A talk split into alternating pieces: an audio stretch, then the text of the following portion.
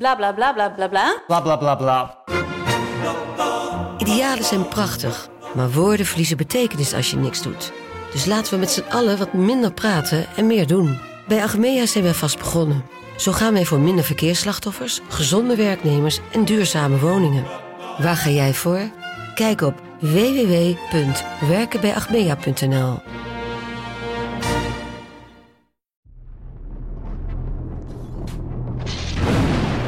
Goedemorgen Pieter. Goedemorgen Jarno. Zitten we weer. Zitten we weer. Dinsdag 11 oktober, speelronde 4 van de Champions League. Mooie affiches. Je hebt het al uitgebreid gehad over ja, het programma van morgen. Met name de wedstrijd Ajax en Napoli. Wij gaan het daar niet over hebben. Later, de, later vandaag de video met Matthijs natuurlijk.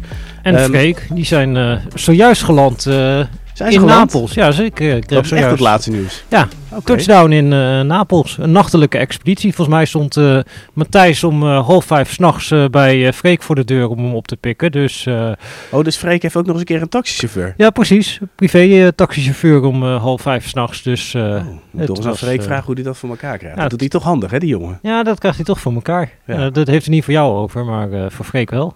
Ja, dus eh, mensen krijgen vanuit Napels eh, alle mogelijke updates. Want zij moeten het vandaag toch ook wel doen. Zij ze gaan dat zeker verzorgen. Ehm, wij gaan het hebben over Milan-Chelsea en straks ook over Benfica-PSG. Maar laten we eens beginnen met Milan-Chelsea. De vorige keer een afstraffing. Een verrassende afstraffing. Ehm, ja, en Chelsea op dit moment dan zonder Ziyech, die ziek thuis blijft. Maar wat verwacht jij van Milan? Zeker na de 2-0 zege Juventus. Gaan ze zich herstellen? Nou, ja, ik heb die vorige wedstrijd natuurlijk ook gezien. En toen zat er best wel gewoon een groot verschil tussen eh, Milan eh, en Chelsea.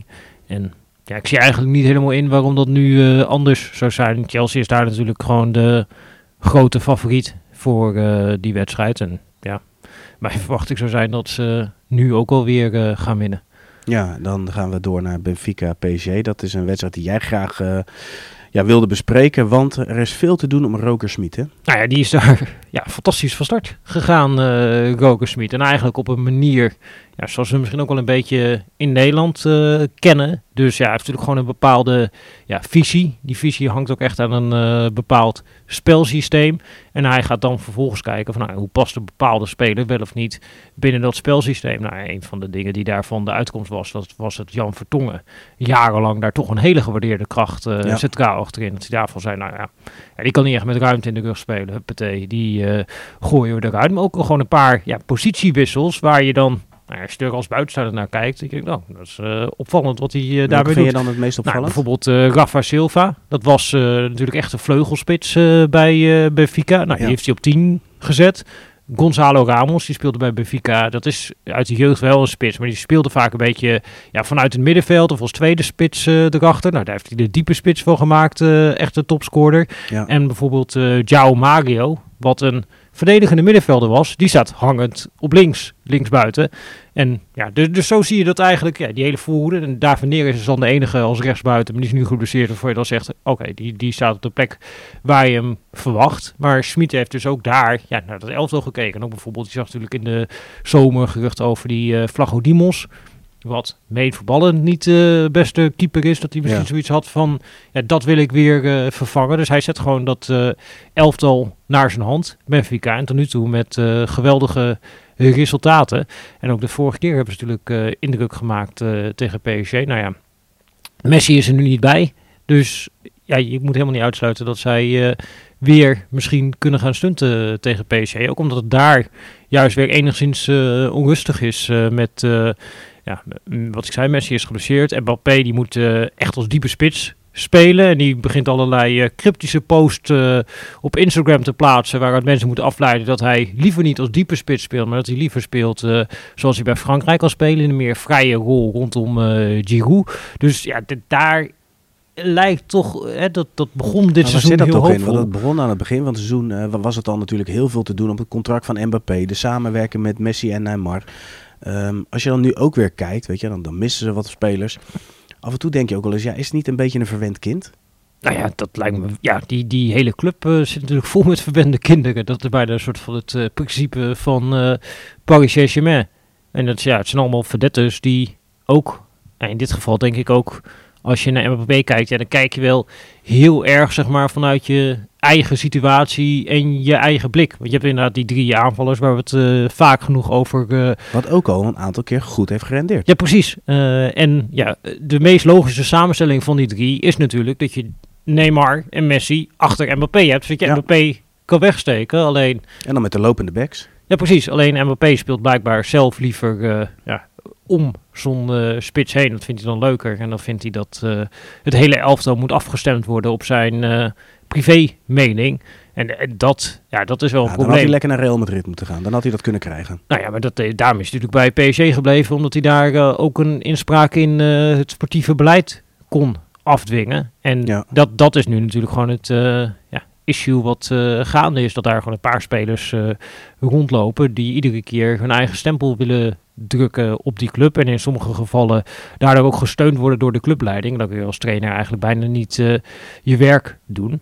En ja, dat, dat, wat dat betreft zit Smit bij Benfica in een ja, veel betere situatie. Ja. En ja, het, het werpt denk ik ook wel de start die hij daar nu heeft. Een ander licht op die periode die hij in Nederland eh, gehad heeft. Is hij natuurlijk ja, vaak bekritiseerd. Ik denk ook wel soms dat dat een beetje ongegrond was. Of dat mensen niet heel erg hun best deden om zich eh, in hem te verplaatsen.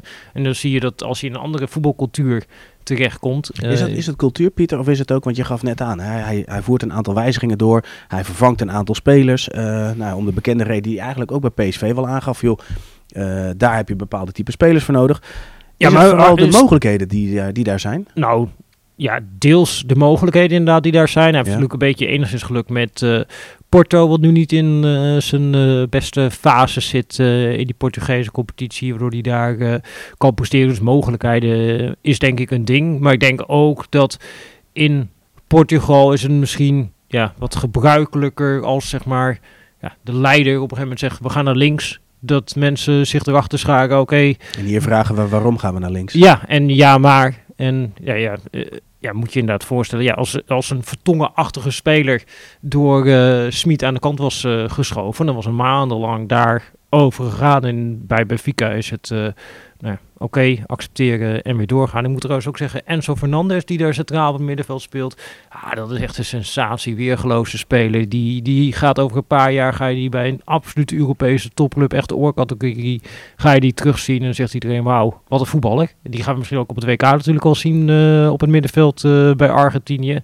Ja, daar, daar kun je wel echt eh, van genieten. En ja, dit is gewoon echt een leuk team op dit moment, eh, Benfica. En het is gewoon een team dat je duidelijk herkent als een eh Roger Smit elftal. En dat hij dat daar nu toch voor elkaar krijgt. Nou, dat zegt wel iets over dat het in ieder geval ja, een trainer is met een bepaalde visie en een bepaald idee. En dat hij dat toch tot uitvoer kan brengen. Zoals Ja. hij dat ook ja, in Nederland eh, uiteindelijk heeft gedaan. Zeker in dat laatste seizoen heeft PSV natuurlijk eh, ja, best prima gepresteerd. Als je vlak achter Ajax eh, eindigt in de competitie. Je wint de beker en je wint de Johan Cruijffschaal en je komt ver in Europa. En mensen verliezen natuurlijk soms ook wel een beetje perspectief van hoe het in de jaren daarvoor bij eh, PSV was. Dat er nog niet zo'n zekerheidje was dat ze altijd maar eh, tweede werden overwinteren in Europa. Ja, maar goed, Voordat hij kwam was jarenlang niet gebeurd. De middelen waren natuurlijk ook bekend, want eh, PSV moest het op een nieuwe manier moest het Ajax lastig gaan maken, want ze hebben niet dezelfde middelen als Ajax. Nou goed, dat blijkt dan net iets te lastig te zijn. Ja, precies. Maar ja, dat is ook weer niet, eh, Niet zo onlogisch. Nee, het is niet, niet zo vreemd of niet zo onlogisch. En Nee. Ja, het is ook een beetje timing. Je moet een beetje geluk hebben. Je stapt daarin. En stel dat inderdaad na zijn eerste seizoen, als Ten Hag toen al bijvoorbeeld de stap had kunnen maken, ja, dan had hij in zo'n tussenseizoen zoals Ajax nu tot nu toe eh, lijkt eh, te hebben, ja, was, was je dan ingestapt en dan was je misschien met het exactzelfde puntenaantal van vorig jaar was je kampioen geworden en had iedereen gezegd, ja, je doet het trainer. ja, precies. Zoals bijvoorbeeld Frank de Boer. Die heeft zo een enorme kickstart gehad in zijn carrière. Die vier keer kampioen geworden bij Ajax met puntenaantallen.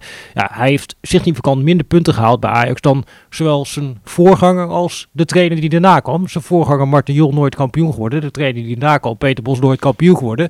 En Frank de Boer, die dus ja, objectief gezien minder gepresteerd heeft, vier keer kampioen geworden. Dus ja, dat, dat, dat bepaalt natuurlijk heel erg hoe mensen naar een bepaalde periode kijken. Terwijl het eigenlijk niks zegt over de kwaliteit van het werk dat je hebt geleverd. Als je ja, Smit afzet ten opzichte van de, ja, voorgangers, ja, die is meer punten eh, eigenlijk eh, gaan halen. Los van nou, dat eerste seizoen wat minder, maar dat tweede seizoen. Nou, dat was een van de beste seizoenen van PSV eh, in de afgelopen jaren. Alleen als je dan ja, net geen kampioen wordt, dan ja, wordt dat heel erg op een andere manier Ja. beschouwd. Oké, gaan we door naar de rubriek meest gelezen op vi.nl. En daar zie ik iets over een escape van Xavi Simons naar PSG. Kun je dat eens kort uitleggen? Nou ja, kort uitleggen. Het is een soort van de ja, soap waar dan nu de uitkomst eh, is gekomen. Afgelopen zomer was dat eigenlijk een grote verrassing dat Xavi Simons eh, naar PSV kwam. Ja. Niet alleen dat hij naar PSV kwam, maar met name ook dat hij een contract voor een langere periode tekende in Eindhoven. Waar veel mensen verwacht hadden dat hij op huurbasis zou komen eh, van Paris Saint-Germain. Nou, meteen op diezelfde dag lekte uit vanuit eh, Frankrijk van er is een clausule in eh, zijn Is dat dan een terugkoopclausule? Nou ja, een clausule in zijn contract dat eh, PSG tegen een bepaald bedrag Simons zou mogen kopen. Het is natuurlijk niet echt een terugkoopclausule, omdat hij was transfervrij. Ja, Dus in die zin is het natuurlijk een ja, beetje een, een raar soortige clausule. En ik denk dat je het ook niet een helemaal... soort herenakkoord of zo. Nou, het is iets wat dus blijkbaar op verzoek van Simons erin gezet is. Want ja, het hoeft er niet met PSG gedeeld eh, te worden. Dus het komt vanuit zijn koker dat dit eh, in het eh, contract staat. En denk dat je niet helemaal los kan zien van dat er nieuwe regelgeving is geworden, gekomen rondom het aantal huurspelers dat een club mag hebben. Ja. En dan ja, krijg je natuurlijk dit soort constructies dat iemand wel verkocht is, maar dat hij weer tegen een bepaald bedrag terug mag komen. En ja, het interessante hieraan is dat vanuit Frankrijk zijpelde die door. Franse journalisten, ook tegen onze clubwatcher Marco Timmer, ja, waren ervan overtuigd. Ze zeiden van, nou, die, die clausule zit in het contract. Nou, als journalist, het enige wat je eigenlijk kan doen, je kunt niet contracten inzien. Dus het enige wat je kan doen, is navraag doen bij de club. En in eerste instantie werd dit door PSV eigenlijk in alle toonaarden, in ieder geval eh off the record, werd ontkend van die clausule. En daar was eh, geen enkele sprake van. Simons was een PSV-speler voor de komende jaren. En dan nu komt het jaarverslag eh, komt uit. Nou, daar moeten ze natuurlijk op een ja, goede manier verantwoorden. En daar kun je niet in liegen in het jaarverslag. En in één keer komt de konijn uit de hoge hoed. Oh ja, er is nog een clausule. Dat, dat, ja, het is niet de eerste keer bij PSV dit seizoen dat dat eh, gebeurd is. We hebben natuurlijk ook die situatie Maar gehad. waarom doen ze dat? Want uiteindelijk komt het er gewoon uit.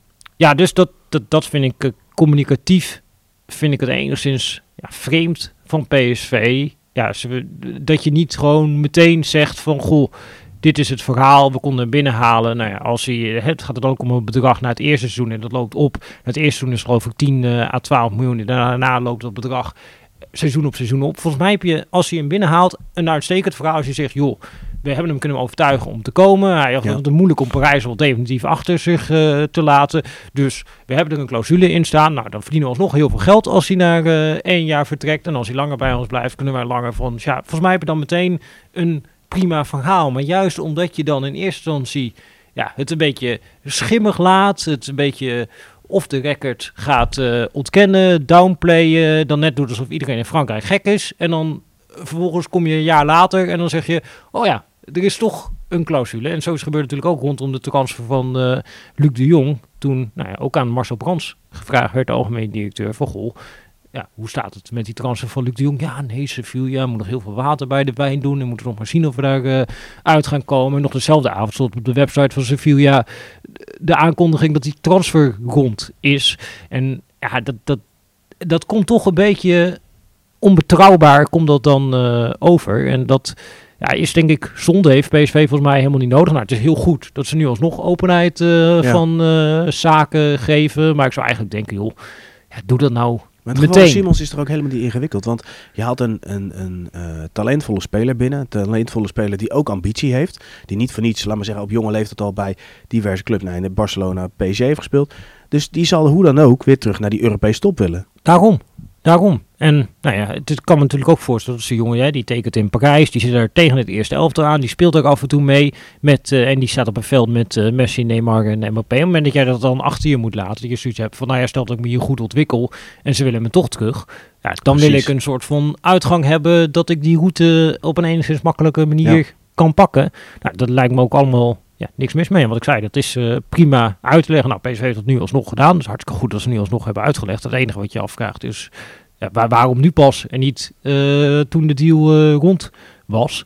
Toen ja, PSV eh, eigenlijk alleen trots verkondigde van, oh ja, we hebben hem toch voor meerdere jaren vastgelegd. En bijna, zeg maar, toen moesten de journalisten bijna door het stof van dat ze hadden durven opschrijven dat het een uh, huurdeal zou betreffen in eerste instantie.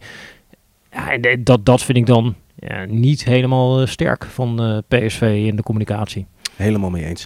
Gaan we naar uh, het meest gelezen item op VPRO. Dat een stuk van uh, de hand van Stef de Bond. En het gaat in eerste instantie over ja, alle begrippen Fraser neem je rotzooi mee. Tenminste in die zin alle begrip voor het feit dat dat dus gezongen wordt. Want hij heeft een gesprek met Fraser na de wedstrijd tegen AZ. Ja, dat is het niet. Uh, eraan. Dat uh, die alle begrip, want je denkt, oh, waar gaat het over? Wie, wie heeft er alle begrip voor? Ja, nou, de trainer zelf. Henk Fraser die heeft alle begrip voor dat uh, mensen Henk Fraser komt op zingen. Ja. En ik vond het in die zin vond ik het een nou, het was wel sterk juist. Ja, het was sterk en het was denk ik een ja, interessant inkijkje in het proces waar hij op dit moment in zit. Aan, hè, dat woord.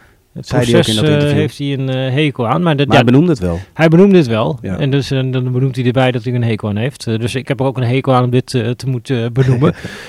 het is gewoon lastig bij Utrecht voor hem tot nu toe. Omdat je gewoon aan de ene kant heb je dat verwachtingspatroon. En aan de andere kant heb je de realiteit waar Utrecht nu in zit. En daar zit een verschil tussen. En dan wordt natuurlijk al snel naar de trainer gekeken. En alleen als ik er realistisch naar kijk, dan zie ik dat bij Utrecht de afgelopen jaren is zo vaak de trainer vervangen. En dan komt een nieuwe trainer. En ook allerlei trainers die het elders hartstikke goed gedaan hebben en steeds beter gepresteerd hebben dan hun materiaal. Nou ja, dan willen ze zich meten met AZ. Ze hebben op een gegeven moment ook de trainer van uh, eh, AZ gehaald. Maar ja, die konden dan ook niet brengen bij uh, hen. En bij AZ, nou, dan komt een nieuwe trainer naar binnen. Gewoon eigenlijk uit eigen gelederen. Die vaak, uh, nou, dat is God zowel voor Slot als voor Jansen. Nog nooit in een team getraind eigenlijk nee. in het betaalde voetbal als eindverantwoordelijke. Oh, en die presteren daar Maar is het dan beleid? Ja, tuurlijk. Ik denk eh, dat je niet anders kan concluderen. En ik snap dat de frustratie zich vaak richt op uh, de training. En dat er dan wordt uh, Henk Vrezer rot op. En nou ja, als je niet houdt van het type voetbal waar Henk Vrezer voor staat, kan me er ook nog wel iets bij voorstellen. En tegelijkertijd moet je niet verwachten als supporter als er een nieuwe trainer komt. Ja, dan gaat de hele riedel gaat weer van vooraf aan beginnen. Want ja, het heeft hoe lastig is dat, Pieter, om dat op te bouwen? Want AZ doet dat natuurlijk al jaren. Uh, we hebben het eerder in de ZSM ook wel eens gehad over PSV. Je had eerst de, lijn Smit, vervolgens Van Nistelrooy. Dat is nou, totaal uiteenlopend. Mhm.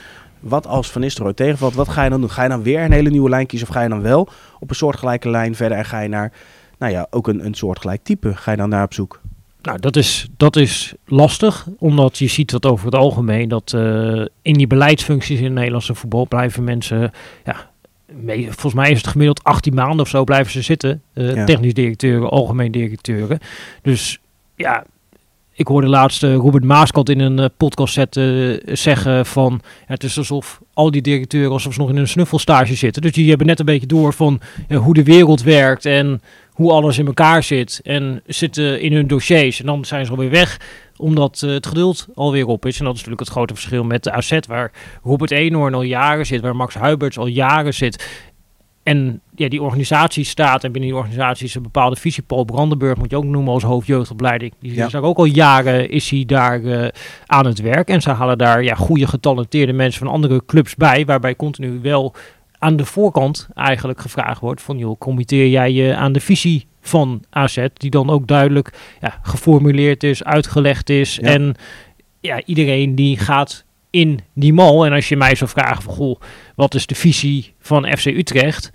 Of wat is de ja, ook wat is de voetbalvisie van FC Utrecht? Wat zijn de spelprincipes van FC Utrecht? dan, dan kom je een beetje inderdaad in zo'n PSV-verhaal van, nou, dat is nu dit. Maar met Haken was het weer iets anders. En met uh, Erik ten Nacht was het weer iets anders. tussendoor heb je ook nog uh, John van der Bron gehad en Jean-Paul de Jong. En iedereen die brengt maar weer zijn eigen ideeën mee en gooit er zijn eigen sausje overheen. En dan krijg je niet een consistente lijn. Het is natuurlijk bij AZ ook wel zo dat Pascal Jansen op detailniveau net iets anders speelt dan Slot. Maar op hoofdlijnen ja. is dat heel erg vergelijkbaar. Zoals ook Van de Brom daarvoor op hoofdlijnen heel erg vergelijkbaar is. En ook als je jeugdteams van AZ ziet spelen, ja, is heel erg vergelijkbaar. Ook volgens diezelfde principes. Als je die lijn hebt van jongste jeugd tot aan eerste elftal, wordt het makkelijker. Kijk, nu bij AZ staat een jongen van 18, Maxime Dekker, die staat uh, in het eerste elftal. Nou, niemand heeft het over hem.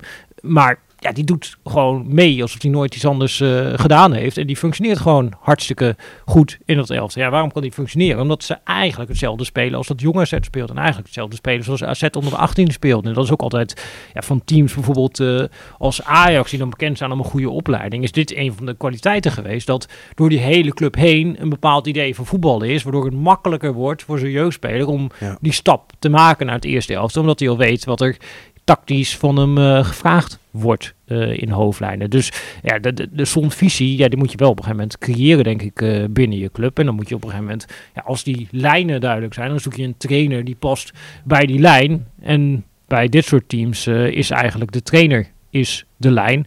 En dan krijgt ook de trainer, die krijgt alle shit op zijn bordje. Terwijl ik denk, Henk Vrezer kan er niet zoveel aan doen waar Utrecht nu staat. Dus ook gewoon objectief naar de cijfers gaat kijken. Verdedigend heeft hij het uitstekend, heeft hij het voor elkaar bij uh, FC Utrecht. Ja. Alleen aanvallend ja, is er nog uh, een beetje pover op dit moment uh, bij Utrecht. Ja, ja, dat, dat, dat, ja dat, dat is dan zo. Maar consistentie wordt vaak gekoppeld ook aan tijd natuurlijk. Hoeveel tijd krijgt hij nog? En hoeveel tijd zou je moeten geven? Ja, dat, ja, dat hangt eraf van ja, wat, wat, en dat, dat zal Stef de Bond het beste kunnen beantwoorden. Ja, wat is het idee van waar Utrecht op lange termijn heen wil? En als ik het heb over een idee waarop je de lange termijn heen wil, dan praat ik niet over, ja, ik wil de top drie uh, aanvallen. Ja, want ja, ik wil ook wel eens. de manier van voetballen. Ja, ja, precies. Ik wil ook wel eens. Ja, ik kan ook zeggen, ja, mijn ambitie is om uh, miljonair te worden. Maar je bent hard op weg, toch? Hard op weg. Nee, ja, dat valt uh, reuze tegen. Zit ik in de verkeerde baan uh, wat dat betreft. Nee, maar ja, je kunt van alles kun je uh, willen. Maar de vraag is vooral uh, en dan, dan wordt het interessant. De weg er naartoe. Dat, ja, de weg er naartoe en hoe denk je er te gaan komen en ja. hoe ziet dat uh, eruit en wat zijn onderweg de stappen. Ik vind dat daar, uh, er hangt natuurlijk altijd ook een beetje een, in het wielrennen een dopingsausje omheen. Maar ik vind bijvoorbeeld dat Sky Team, nou dat vind ik heel interessant hoe die dat gedaan. Ik ben nu natuurlijk ook aan de voetbalclubs met bijvoorbeeld Nice. Maar die hebben eigenlijk gewoon gekeken van nou oké, okay, we willen met een Britse renner, willen wij de Tour de France winnen. Ja, de eerste stap wat zij hebben gedaan is gewoon kijken van nou, een team dat de Tour de France wint, of een renner die de Tour de France wint, ja. ja waaraan moet hij uh, gaan voldoen? Nou, dus wielrennen een makkelijkere sport dan voetbal. Dus je kunt daar gewoon zeggen, oké, okay, dan moet hij de VO2 max hebben van uh, X en dan moet hij dit hebben, Y. En je kunt dan vervolgens ja, die waardes creëren. Nou, dan kijk je naar je huidige renners. Dan kijk je, oké, okay, hebben die dat al? En dan is het je enige stap van hoe krijgen ze van hier naar hier. En dan is het op een gegeven moment heel erg helder. En zo zou Utrecht denk ik ook gewoon naar de situatie moeten kijken. Oké, ja, wat willen wij? We willen misschien vijfde worden in de Eredivisie. Oké, okay, als vijfde wil worden in de Eredivisie, ja, wat moet je daar dan uh, aan brengen? Wat moet je verdedigend brengen? Wat moet je aanvallend brengen? Wat moet je qua spelervattingen brengen? En ja, wat voor voetbal vraagt het dan? En als je dan dat voetbal speelt, welke spelers heb je daarvoor nodig? En op het moment dat het allemaal helder is, ja, dan wordt het werken wordt veel makkelijker. Zoals ook AZ, ja, die heeft dus die voetbalwijze, eh, speelwijze hebben ze gedefinieerd. Maar dat hebben ze ook weer gedefinieerd richting nou, profielen per positie. Ja. En ja, die profielen per positie, nou, daar kunnen ze dan allerlei dingen kunnen ze daar aankoppelen. Dus ze hebben data-analysten zitten in Amerika die kijken van, nou ja, of iemand qua statistieken geschikt is. Maar ze hebben ook een Israëlisch bedrijf wat kijkt naar het brein van spelers, om ook daar op dat gebied ja, te maar dan zeg ik Pieter, zij hebben iemand in de organisatie die buiten het voetbal komt. Mist Utrecht uh, misschien iemand in de organisatie die buiten het voetbal komt?